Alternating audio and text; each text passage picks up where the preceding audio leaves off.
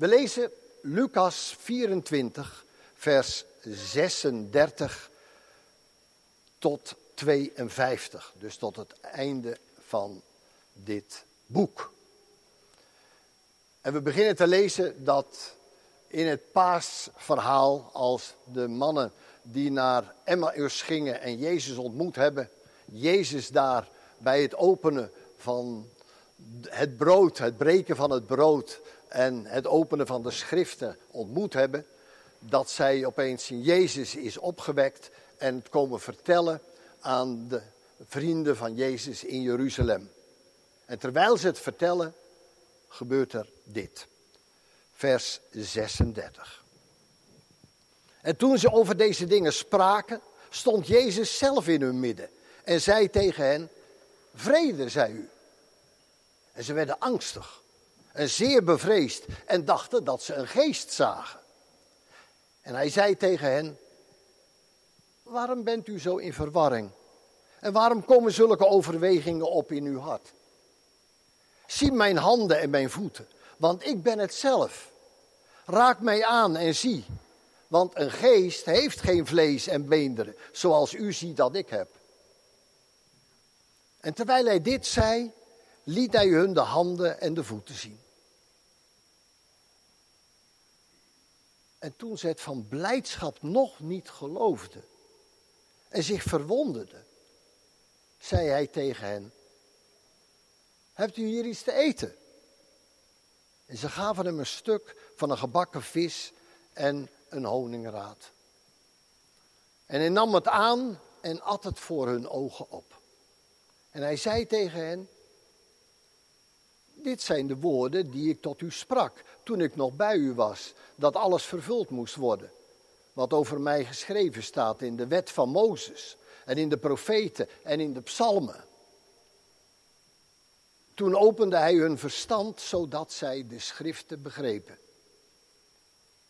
En hij zei tegen hen: Zo staat er geschreven. En zo moest de Christus lijden en uit de doden opstaan op de derde dag. En in zijn naam moet onder alle volken bekering en vergeving van zonde gepredikt worden, te beginnen bij Jeruzalem. En u bent van deze dingen getuige. En zie, ik zend de belofte van mijn vader op u. Maar blijf in de stad, Jeruzalem, totdat u de kracht, met de kracht uit de hoogte bekleed zult worden. Hij leidde hen naar buiten, tot bij Betanië. En hij hief zijn handen op en zegende hen. En het geschiedde, terwijl hij hen zegende, dat hij zich van hen verwijderde. En hij werd opgenomen in de hemel. En ze aanbaden hem. Hij keerde terug naar Jeruzalem met grote blijdschap. En ze waren voortdurend in de tempel, terwijl ze God loofden en dankten. De tweede lezing is uit het Heilige Evangelie naar Johannes, het 14e hoofdstuk, vanaf vers 12 tot en met 21. Johannes 14 vanaf vers 12. Waar Jezus zegt: Voorwaar, voorwaar, ik zeg u, wie in mij gelooft, zal de werken die ik doe ook doen. En hij zal grotere doen dan deze. Want ik ga heen naar mijn vader. En wat u ook zult vragen in mijn naam, dat zal ik doen. Opdat de Vader in de Zoon verheerlijkt zal worden. Als u iets vragen zult in mijn naam, ik zal het doen. Als u mij lief hebt, neem dan mijn geboden in acht.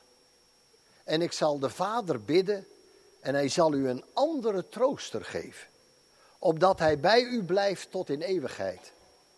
Namelijk de geest van de waarheid, die de wereld niet kan ontvangen, want zij ziet hem niet en kent hem niet, maar u kent hem, want hij blijft bij u en zal in u zijn.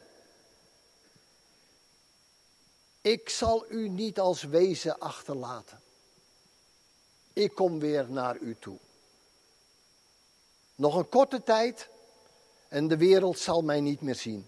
Maar u zult mij zien, want ik leef en u zult leven. Op die dag zult u inzien dat ik in mijn Vader ben en u in mij en ik in u. Wie mijn geboden heeft en die in acht neemt, die is het die mij lief heeft. En wie mij lief heeft, hem zal mijn Vader lief hebben. En ik zal hem lief hebben en mijzelf aan hem openbaren. Tot zover de lezing uit de Heilige Schrift. Gelukkig te prijzen zijn zij die deze woorden horen en die bewaren en ernaar leven. Halleluja. We willen met elkaar nadenken over datgene wat we gelezen hebben in het Evangelie. En dat doe ik onder de titel van De vreugde na hemelvaart. En dan staat daar de tekst ook wel in centraal. Ik laat jullie niet als wezen achter. Ik kom bij jullie terug. Gemeente van onze Heer Jezus Christus. Moederziel alleen.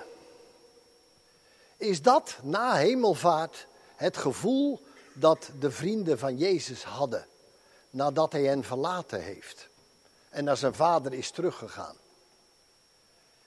Je zou verwachten dat het verdriet de overhand zou hebben. Want er is alleen nog maar de herinnering overgebleven. Jezus was er niet meer. En wat moet dat verdrietig zijn geweest? En toch lezen we in het laatste hoofdstuk van het Lucas-evangelie, en we hebben het gehoord, dat ze in grote vreugde terugkeerden naar de stad Jeruzalem. De hemelvaart bleek helemaal niet zo'n verdrietig gebeuren te zijn geweest. Misschien is dat wonderlijke ook wel de oorzaak dat we soms niet zo goed raad weten met de viering van deze raadselachtige feestdag Hemelvaart. Ik heb eens nagekeken, in Europa blijkt Hemelvaartsdag in minder landen een vrije dag te zijn dan Maria Hemelvaart op 15 augustus. Dat spreekt kennelijk meer mensen aan. En het valt me ook op dat christenen buiten Europa ook bijna nooit Hemelvaartsdag vieren. Zo heeft het in Indonesië en in China, waar toch veel jonge, bezielde christenen wonen en Jezus volgen, maar een hele marginale plek. Vaak zonder kerkdienst. Voor hen gaat Pasen eigenlijk vanzelfsprekend over in Pinksteren. In de traditie van de kerk wordt deze dag echter gevierd als de beleidenis van het koningschap van Christus over deze wereld. We worden met Hemelvastdag juist gewezen op deze aarde die Christus lief heeft, waarover hij regeert. Waar staan jullie naar boven te kijken? Zegt ergens anders de engel nadat Jezus naar de hemel is gevaren. Jezus zal terugkomen naar deze wereld die hij lief heeft en die hij in zijn handen draagt. Daar komt het op neer. Ja, dat klinkt natuurlijk prachtig, maar voor veel mensen is Jezus hemelvaart een teken geworden van de afwezigheid van Jezus. We lijken er met deze aarde alleen voor te staan. En we maken er vaak een puinhoop van. In de steek gelaten. Verweest, zou je kunnen zeggen. Is God niet de grote afwezige in onze cultuur, waar we het zonder Hem en zonder Hem te kennen kunnen redden? Ook al, al is er dan soms dat verlangen naar Zijn aanwezigheid om Hem echt te leren kennen. Dat is heel wat anders dan wat je bij Aziatische en Afrikaanse christenen ziet. Die zich veel openlijker en blijmoediger over Christus uiten. De verhalen en de geloofsuitingen van pas bekeerde christenen ontroeren ons soms. Maar als we eerlijk zijn, dan voelen we ons er soms ook wel wat ongemakkelijk bij. Want die manier van geloven van hen is voor ons vaak ook zo onbereikbaar. Eigenlijk ook wel smartelijk. Want wij kunnen ons niet zomaar omhoog heffen tot die uitbundige vreugde van hun geloofsvertrouwen. En hun bijna vanzelfsprekend spreken over Jezus. Maar besef dan ook wel dat ook voor deze christenen geloven vaak helemaal niet zo vanzelfsprekend is. Als ik denk aan mijn gesprekken met Chinese christenen bijvoorbeeld, dan valt eerst hun geweldige energieke geloof op. En de vreugde dat zij het evangelie gehoord hebben en Jezus hebben ontmoet. Maar als je dan doorpraat met hen, de tijd daarvoor neemt, dan merk je ook bij hen diezelfde worsteling om Jezus vast te houden. Ze doen me vaak ook wel denken aan wat we in het evangelie lezen over de discipelen die rond Pasen en hemelvaart in een soort rollercoaster van gevoelens terecht zijn gekomen. Hun verbijstering en verdriet over het lijden van Jezus waren groot. Net als wat er daarna gebeurde, hun twijfel ook over de opstanding. Dat verdween niet zomaar. Pas na een persoonlijke ontmoeting met de opgestane Heer konden ze niet anders dan in Hem geloven. Er sloeg hun ontzetting om in een onbeschrijfelijke vreugde. Ik vind zelf dat zo prachtig beschreven in dat laatste hoofdstuk van Lucas. Hoe we gelezen hebben dat de opgestaande Heer daar opeens in hun midden is. En ze zijn verbijsterd. Dat moet een verschijning van een geest zijn. In de Joodse gemeenschap leeft ook nu nog steeds het geloof dat geesten van doden zich geregeld laten zien en daarna weer verdwijnen. Als u wel eens naar de Netflix-serie uh, Stiesel gekeken hebt, dan uh, heeft u gezien hoe dat ook onder de orthodoxe Joden nog steeds heel sterk zo leeft. Geesten die spreken. En ook voor de discipelen van Jezus is een lichamelijke opstanding vreemd. Maar als Jezus dan aan zijn vrienden de littekens laat zien van zijn lichaam, dan mengt hun verbijstering zich met vreugde. En dan schrijft Lucas die mysterieuze zin. Ze konden het van blijdschap niet geloven. Je kunt dus ook iets van blijdschap niet geloven. Wij denken vaak dat niet geloven te maken heeft met verdriet, of met onverschilligheid, of met teleurstelling. Maar ongeloof kan ook uit vreugde geboren worden. Je wilt je niet met een waandenkbeeld blij laten maken. Maar toch word je overweldigd door die blijdschap die de komst van de Heer Jezus oproept. En misschien herken je dat ook wel. Als er iets in je leven gebeurt waardoor goddelijk licht opeens doorbreekt en de vreugde je overweldigt, dan kan zomaar die angstige vraag opkomen: is het wel waar? Zou God ook mij onder al die miljarden mensen op het oog hebben? Zou die naar mij op zoek zijn? Zou die mij lief hebben? Zou de Heer Jezus er voor mij zijn? Er is een soort reflex waardoor we iets buitengewoon vreugdevols direct ook weer wegdrukken. En daarom is het ook wel heel herkenbaar wat er met de vrienden van Jezus gebeurt. En het is ook zo mooi om te lezen dat Jezus heel liefdevol en invoelend met die nuchtere vragen van zijn discipelen omgaat. En daarom is zijn eerste woord: Hebben jullie niet iets te eten? Want als hij met hen eet, moet hij wel een lichaam hebben. En dus is hij dan geen geest. En als ze daarom samen met hem eten, dan herkennen ze hem. Pas toen durfden ze blijdschap en vertrouwen in hem weer toe te laten. Jezus leeft. Hij is opgestaan. Het is werkelijk waar. Vaak staan we niet zo bij stil dat het heel bijzonder was dat Jezus na zijn opstanding alleen maar naar zijn discipelen, naar zijn vrienden is gegaan en hen heeft opgezocht.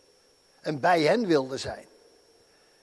Hij gaat niet meer naar het marktplein om daar het evangelie te verkondigen. Dat is nu hun taak geworden. Het laat heel sterk die band zien tussen Christus en zijn vrienden en zijn kinderen. En daarover schrijft Johannes in hoofdstuk 14. De zoon van God wil niet losgezien worden van zijn vader in de hemel.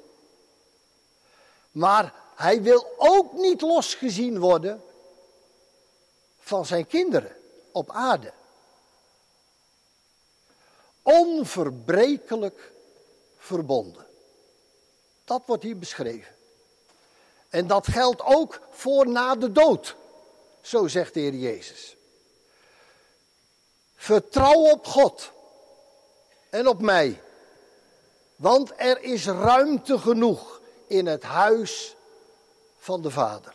Dus waar ik ben, zo zegt Jezus, is er altijd plaats voor jullie.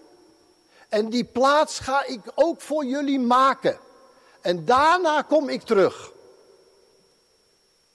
Jezus zorgt voor de toekomst. En dat betekent ook dat we niet bang hoeven te zijn voor de toekomst. Maak je niet ongerust, zo zegt hij. Verlies de moed niet. Jullie vallen nooit uit de handen van de Vader. En je valt ook nooit uit de ruimte van God. En in de tijd tussen zijn vertrek en zijn wederkomst zal hij persoonlijk voor hen zorgen die hem volgen. Zo staat het daar. Maar hoe zal hij dat dan doen? Hoe kan Christus aanwezig zijn nadat hij weggegaan is? Dat is de vraag natuurlijk die wij ons ook met Hemelvastdag stellen. En zijn antwoord is opvallend en troostrijk. Ik laat jullie niet als wezen achter. Ik kom bij jullie terug. Geloof het. En hij maakt het ook direct duidelijk op wat voor manier hij dan bij hen zal zijn. Bij ons zal zijn. En dat het anders is dan we gedacht hadden. Hij zal zijn geest sturen. Die zal jullie bijstaan. Die zal jullie troosten. De trooster zijn en jullie nieuwe vriend zijn. Zo zou je het ook kunnen vertalen. Jezus gaat naar zijn vader. Maar de geest komt en de geest blijft. En daarom blijft de Heer Jezus maar steeds herhalen. Je hoeft niet bang te zijn, want ik ben bij je met de geest, met mijn levendmakende kracht. Wat je ook overkomt, hoe diep je ook in de twijfel zit, hoe vreselijk het verdriet soms in je leven kan zijn. Ik blijf bij je. Maar hij is ook vaak zo verborgen. Dat we soms denken dat Jezus ons wel verlaten heeft. En dat we er alleen voor staan. Klamp je dan vast aan de belofte van Jezus over zijn liefde. Die niet dooft. Die liefde die niet te verbreken is. En daarom vertelden de apostelen later, toen zij na vele jaren zendingswerk achter hun schrijftafel de evangelie opschreven, uit hun eigen ervaring. Want wat zij in de evangelie opgeschreven hebben, zijn ook getuigenissen over hun ervaring in missionaire dienst, zo zou je kunnen zeggen. Ze hadden het gewoon gemerkt aan hun manier van leven en aan, hun, aan de vrucht die er op hun missionaire werk was. Ze hadden het gemerkt, die wonderlijke nabijheid en leiding van Jezus tot in de donkerste momenten van hun leven. Dus de, de vrienden van Jezus waren tot aan het einde van hun leven zelf het bewijs en het teken van Jezus gedurende bijstand en hulp. En honderden miljoenen christenen in de wereld getuigen daar de dag van vandaag nog van. En je zou natuurlijk ook kunnen zeggen, leg dit kerkgebouw daarvan ook al geen getuigenis af. Het is een, het is een beleidenis in, in steen, in glas, in, in hout, in doek. Die in de lange geschiedenis van deze Sint-Jan voor honderdduizenden mensen de plek was waar God gezocht werd en gevonden is.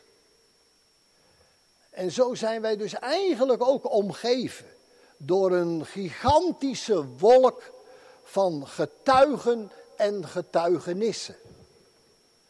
Allemaal vrucht van wat er in de week na hemelvaart met Pinksteren gebeurde.